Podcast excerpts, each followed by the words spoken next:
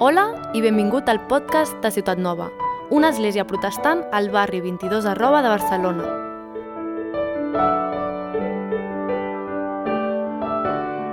Buenos días.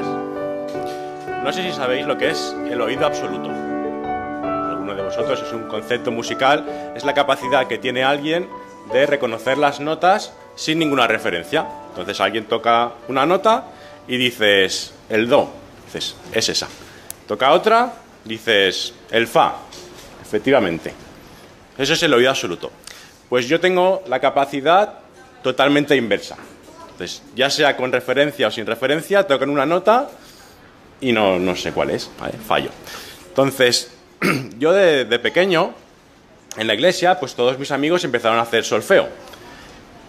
Estaban todos ellos, digo, pues yo me apunto también a, a solfeo, ¿no? Y bueno, si si la salvación pudiera ser por obras, la chica que me daba las clases pues sería salva, ¿vale? Porque había un ejercicio que se llamaba dictado musical. Entonces el dictado musical consistía en que la chica iba tocando notas del piano y yo iba pintando las notas en la partitura. Entonces yo era capaz no solo de fallar la nota, sino que tocaba una nota, la siguiente era más grave y yo la podía poner más aguda. Así que ni siquiera el dibujo se parecía. Con todo esto podéis ver un poco cuál es mi habilidad con las canciones, ¿no? Así que me toca predicar de un salmo, que como decía Rubén hace unas semanas, era como la, lista de Spotify de la gente que viajaba hacia Jerusalén. Y además me podía haber tocado otro salmo, ¿no? El, el, justo el de antes, el 121, es un salmo muy bonito, ¿no? Eh, alzaré los ojos a los montes, ¿de dónde vendrá mi socorro? Habla de, del Señor como que te protege, que te guarda. Pero me ha tocado este salmo que habla pues de, de la gente que iba peregrinando a, a Israel, ¿no? A, de Israel a, Jerusalén. Y bueno, yo no soy israelita, no tengo pensado ir a, ir a Jerusalén y claro, han pasado muchos años. ¿Qué puedo decir de, de este salmo? ¿no? La, primera vez que, lo leí estaba a ver qué digo, ¿no? Le hablaba con un amigo y me decía, bueno, tú di que es un salmo de David y luego ya pasas a hablar de la historia de David y Goliat, ¿no? Y yo no sé si, si vosotros escuchando el, salmo podéis haber tenido una idea parecida, ¿no? De, de decir, muy bien, ¿no? Para, para aquellos que peregrinaban a, a, Jerusalén, pero ¿tiene algo que decirnos este salmo a nosotros hoy? Y bueno, yo os pediría que, que os quedarais conmigo porque realmente puede tener más que ver con nosotros de lo que puede parecer a primera vista. ¿vale? Así que voy a ir muy rápido con el contexto de, este salmo y luego ya pasamos a, a verlo. Como muchos sabréis, estamos en medio de una serie que se llama Los, los Salmos o los Cánticos Graduales, que era básicamente pues, los salmos que iban cantando pues, aquellos peregrinos que iban a, Jerusalén. Tenían que ir varias veces al año en ciertas fiestas, entonces mientras iban andando, pues iban cantando estos salmos. Y así como los dos anteriores eran un poco más específicos, ¿no? Pues eh, cómo hablar con el Señor en tiempos de dificultad o, confiar en, que Dios nos guarda, este es, es muy específico acerca de, de, Jerusalén. Entonces, yo creo que un poco la clave sería entender qué puede querer decir esta Jerusalén en la Barcelona del día de hoy, ¿no? Porque quizás tiene como un aspecto no solo de esta Jerusalén física, sino un aspecto que va un poco más allá. Y la primera pista acerca de esto quizá las podemos encontrar en el mismo Salmo, que habla de Jerusalén como la ciudad de Dios. Sí que Jerusalén representaba en aquella época el lugar donde estaba la presencia de Dios.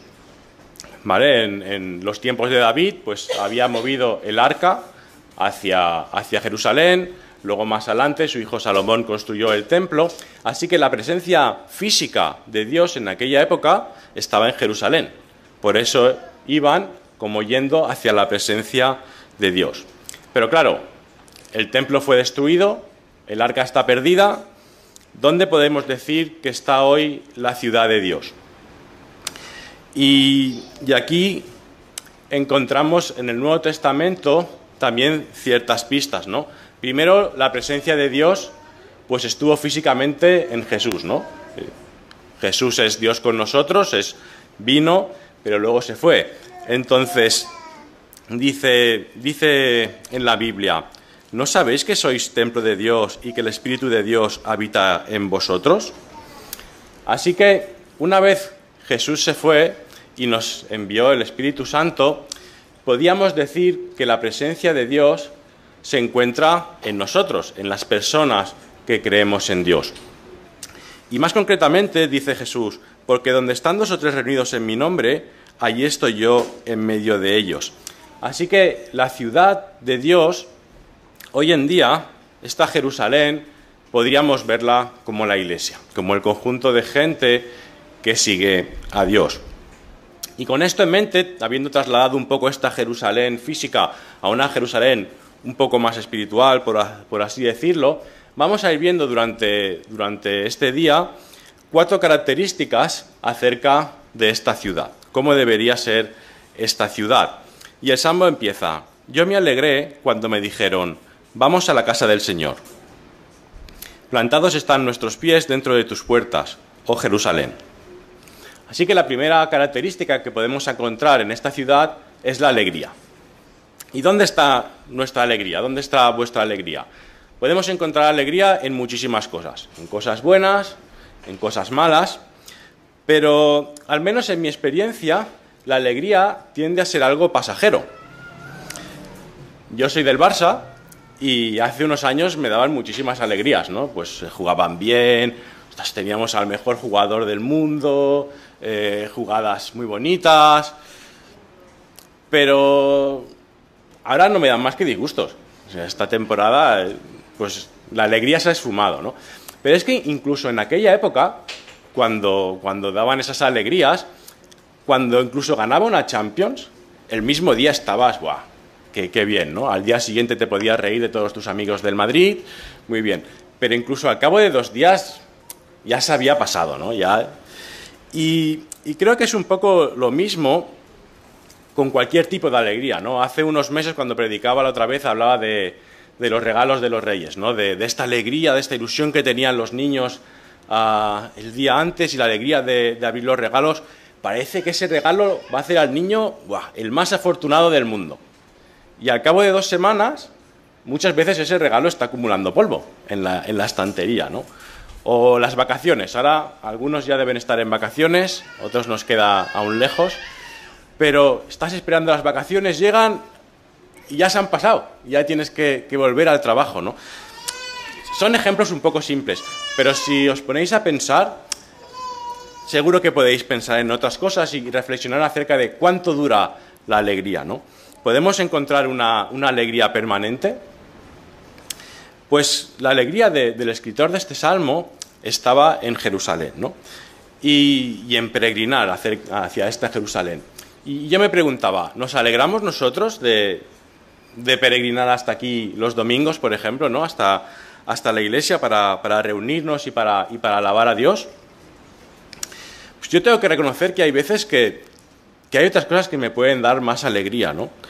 Y, quizás una, clave de esto está en la otra frase de, estos primeros dos versículos, que dice, plantados están nuestros pies dentro de tus puertas, oh Jerusalén. ¿Dónde están nuestros pies plantados? Entendiéndolo como dónde tenemos nuestro pensamiento, ¿no? ¿Están nuestros pensamientos donde están los pensamientos de Dios o los tenemos por otro lado? Vivimos en un mundo que mayoritariamente no cree en Dios.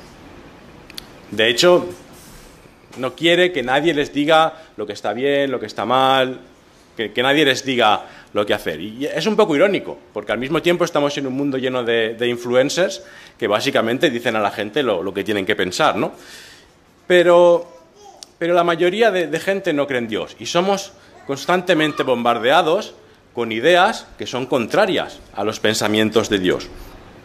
En los medios de comunicación, si leemos artículos, en la televisión, en series, en películas, que tú vas a ver una película para pasar un buen rato, pero te están queriendo meter ahí ideas, ¿no? En, Internet, cuando hablamos con, compañeros de trabajo o amigos. Hay muchísimas formas de pensar que parece que como quieren quitar nuestros pies de, dentro de, Jerusalén, ¿no? Y voy a poner un ejemplo un poco sensible en, esto, ¿no? Nuestra sociedad dice que cada uno de, nosotros y de nosotras somos dueños y dueñas de nuestro cuerpo. ¿no? Nadie más puede decirnos qué hacer con nuestro cuerpo, es mío y de nadie más. Pero encontramos en la Biblia que dice, la mujer no tiene autoridad sobre su propio cuerpo, sino el marido. Y asimismo, el marido no tiene autoridad sobre su cuerpo, sino la mujer. Son ideas completamente contrarias. ¿Y a quién vamos a creer? Es, un tema sensible, ¿eh? podríamos entrar en, debate, no voy a entrar a, ver los matices del texto, ¿no? Si queréis luego venís y, lo hablamos. Pero sí que es cierto que muchas veces los modelos que encontramos en el mundo y los modelos que propone Dios son diferentes, ¿no? Eh, así como hoy en día lo importante es que yo esté feliz y yo estás, ya no estoy enamorado de esta persona, eh, pero esta otra del trabajo me está gustando, ¿no? Entonces, pues dejo a una y voy con otra. Pero el modelo de Dios es, no, mi, relación es un sacrificio, ¿no? El bien tiene que estar en, la otra persona. Y, así como esto, encontramos muchísimas cosas, ¿no? Donde nos están intentando arrastrar fuera de, de esta Jerusalén. Pero si nuestros pies no están asentados en Jerusalén, nuestra alegría tampoco lo estará. Dijo Jesús, no os acumuléis tesoros en la tierra, donde la porilla y la herrumbre destruyen, y donde ladrones penetran y roban, sino acumulaos tesoros en el cielo, donde ni la polilla ni la herrumbre destruyen, y donde ladrones no penetran ni roban. Porque donde esté tu tesoro, allí estará también tu corazón. Donde esté tu tesoro, estará tu corazón. Y de la misma forma que, en eh, que, en Israel, en los tiempos de David, estos peregrinos iban andando hacia Jerusalén y se encontraban un montón de peligros, pero cuando llegaban adentro de, la ciudad estaban a salvo, ¿no? Ya habían llegado a Jerusalén, están dentro de estos muros de protección. Pues también estas puertas deberían ser así para nosotros, ¿no? Deberíamos encontrar ese descanso que no encontramos fuera, que podemos estar en esa lucha a nivel de ideas, podríamos encontrar este descanso y esta seguridad, aquí que nos pueden llevar la alegría. Así que tenemos esta primera característica. Vamos a la segunda, la unidad. Si seguimos leyendo el Salmo, parece como que este peregrino ya ha llegado a Jerusalén, ¿no? Y entonces está observando la ciudad, y se maravilla ¿no? de, cómo es de compacta. Dice, Jerusalén, que está edificada como ciudad compacta, bien unida, a la cual suben las tribus, las tribus del Señor, lo cual es la ordenanza para Israel, para alabar, para alabar el nombre del Señor. Una ciudad unida. Si conocemos un poco la historia de Israel y de Jerusalén, yo creo que esto es más un deseo que una realidad. En los mismos tiempos de David, que es el que escribió el Salmo, hubo una conspiración con, su hijo Absalón en el que ya se empezó a dividir todo, ¿no? Pues unos iban con uno, otros iban con otro, hubo una especie de guerra civil. Más adelante sus, nietos ya dividieron el país en dos. Por un lado Roboam, por otro Jeroboam. Había unos que iban con uno, otros iban con otro, y se dividió Jerusalén, y bueno, más que Jerusalén, Israel, en dos partes. Y a partir de ahí ha habido habiendo división tras división. Luego vino la invasión de Babilonia, se dispersaron todos. En la época de Jesús había diferentes sectas religiosas, estaban los fariseos, los celotes, los infinitas sectas, cada uno con sus ideas. Y si pensamos en la Jerusalén de hoy, yo no se me ocurre otra ciudad más dividida, ¿no? Tenemos los palestinos, tenemos los israelitas siempre, siempre en guerra. Así que esta unidad yo creo que era más un deseo que una realidad. Y si trasladamos esto mismo a la iglesia, veo un poco lo mismo, ¿no? Ya en la época de, los primeros años de la iglesia, eh, el apóstol Pablo, vez tras vez en sus cartas, pues iba advirtiendo acerca de todas estas ideas extrañas que se querían colar y dividir la iglesia. Luego la división entre católicos, entre protestantes, y ahora incluso en nuestras iglesias que tenemos tres millones de, denominaciones. ¿no? Y esto debería partirnos el, corazón. Que la unidad es importante. Dijo Jesús también en una oración a Dios antes de que lo crucificaran. Mas no ruego solo por estos, sino también por los que han de creer en mí por la palabra de ellos, para que todos sean uno, como tú, oh Padre, estás en mí y yo en ti. Que también ellos estén en nosotros, para que el mundo crea que tú me enviaste.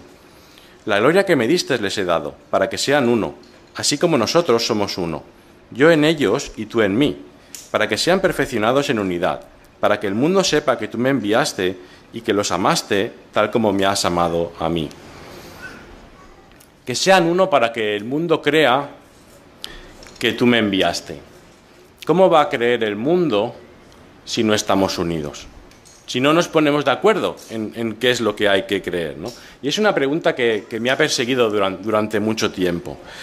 Y ya yo me pongo en la piel de, alguien ¿no? que, empieza a escuchar el Evangelio y ya hay tantísimas ideas hoy en día diferentes de, de cualquier cosa y si encima en, la misma iglesia, pues cada uno te dice una cosa y te viene uno y dice, no, esto es así, y otro, no, no, este está loco, esto es así. Así que deberíamos esforzarnos por, por mantenernos unidos. Y quizá hay cosas en las, que, en las que podemos ceder, quizá hay cosas en las que podemos pensar que a lo mejor estamos equivocados, ¿no? Que, que no tenemos cada uno el, conocimiento pleno de, de todo, ¿no? Pero claro, por otro lado tenemos lo que decía antes, ¿no? Estas ideas que se intentan colar. Y para mí es, es complicadísimo. ¿Cómo, puedes casar estas dos cosas? ¿no? El, por un lado, estar unidos, pero por otro lado, no dejar que, se cuelen cosas. ¿no? Eh, había un dicho muy famoso de, de Agustín que decía, en lo esencial unidad, en lo dudoso libertad y en todo amor que, es muy bonito y que, creo que, está muy bien, pero luego empezamos a discutir en, qué es lo esencial, ¿no? Entonces estamos en lo mismo. Así que yo, yo creo que aquí sí que necesitamos mucha oración, ¿no? Como, como hacía Jesús de orar por esta unidad, pues orar también nosotros por esta unidad en, en la Iglesia. Y con esto tenemos ya dos características de esta ciudad de Dios. Tenemos la alegría, tenemos la unidad. Y si seguimos un poco más en el texto, pues encontramos una cosa que al menos a mí me sorprendió. Dice, a la cual suben las tribus del Señor para para alabar el nombre del Señor, porque allí se establecieron tronos para juicio, los tronos de la casa de David. ¿Por qué dice que suben a Jerusalén para alabar el nombre del Señor? Porque allí el Señor mostró su poder, ¿no? Porque allí el Señor derramó su amor, tampoco es lo que dice. Porque allí residía la gloria de Dios, no, dice, porque allí se establecieron tronos para juicio.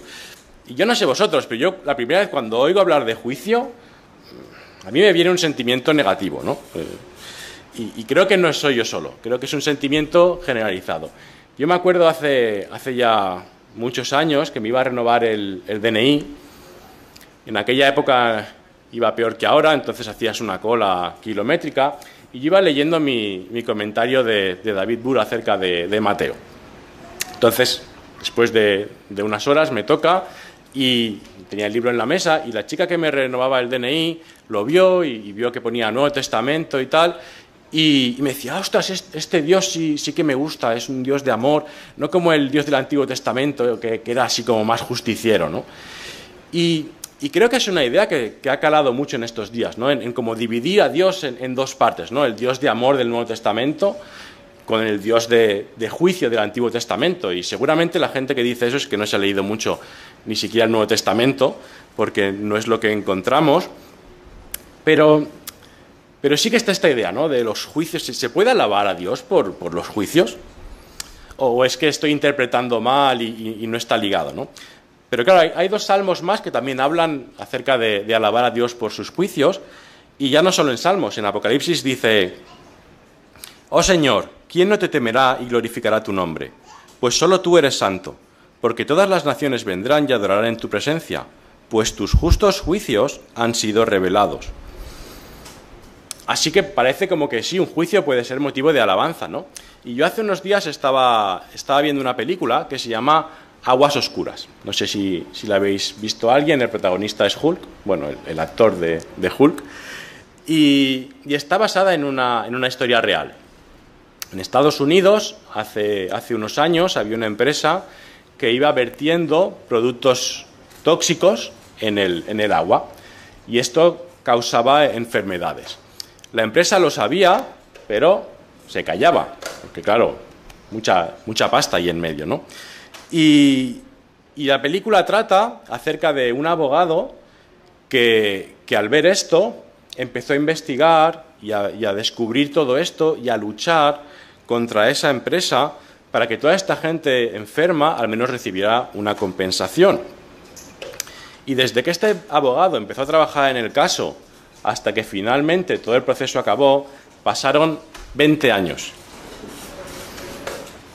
Y finalmente estas personas pues pudieron tener esta compensación. Y esta compensación era en parte un seguro médico, que quizás aquí en España no somos tan conscientes porque tenemos la seguridad social, pero es que en Estados Unidos, si no tienes un buen seguro médico, puedes morirte por una enfermedad que es curable. Así que yo no sé si os ponéis en la piel de estas personas, yo creo que este juicio, la resolución de este juicio pudo ser un, motivo de, alabanza, ¿no? Y, quizás el, problema que tenemos con esto del juicio no es eh, la palabra juicio en sí, sino quizás el pensar que los juicios de Dios puedan ser injustos o desproporcionados. Si aquellos pueblos del Antiguo Testamento que Dios juzgaba y destruía no merecían que Dios los destruyera, yo, que soy mucho mejor que ellos, tampoco lo merezco. Con lo cual, ya nos va bien, ¿no? Porque quizás el problema que tenemos es que nos estamos viendo como esta gente que se está enfermando por las aguas oscuras, cuando a lo mejor nosotros somos esa empresa que estamos vertiendo los productos tóxicos. Y con esto encontramos la tercera característica, que es la justicia. Al final, ¿cuál es el objetivo de un juicio? Establecer justicia, ¿no? Entonces, queremos una ciudad con alegría, queremos una ciudad unida, pero también queremos una ciudad justa. Y esta es la tercera característica. Y con esto ya llegamos a, a la última parte del Salmo. Dice, orad por la paz de Jerusalén, sean prosperados los que te aman haya paz dentro de tus muros y prosperidad en tus palacios. Por amor de mis hermanos y de mis amigos, diré ahora, sea la paz en ti. Por amor de la casa del Señor nuestro Dios, procuraré tu bien. Si las tres primeras características eran alegría, unidad y justicia, la cuarta parece muy clara, ¿no? La paz. Y la paz es algo que, que es muy de actualidad, ¿no? Desgraciadamente, en los últimos meses hemos podido ver muchas ciudades sin paz. Con la guerra en Ucrania vemos ciudades destruidas, vemos gente escondida, con miedo, eh, sin acceso a, a agua a veces o a comida, con las comunicaciones cortadas, sin saber de cómo están nuestros seres queridos, escuchando bombardeos y esperando que, no se acerquen. Una ciudad en guerra es un escenario terrible. Y a pesar de que, de que lo vivimos más o menos de cerca, conociendo también gente de allí, podríamos decir que aquí en, nuestra ciudad hay paz, ¿no? ¿no? hay guerra, no estamos en, esto. Pero el significado de paz en, en la Biblia va más allá de la ausencia de guerra. El significado de paz en la Biblia engloba un concepto de, bienestar. Y si miramos un poco más con atención nuestra ciudad, quizá no es tanto una ciudad de paz.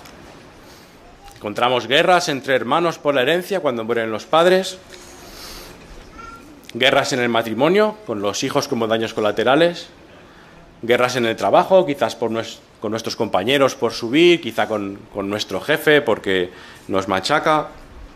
Y podíamos seguir con muchísimas guerras, ¿no? Guerras políticas.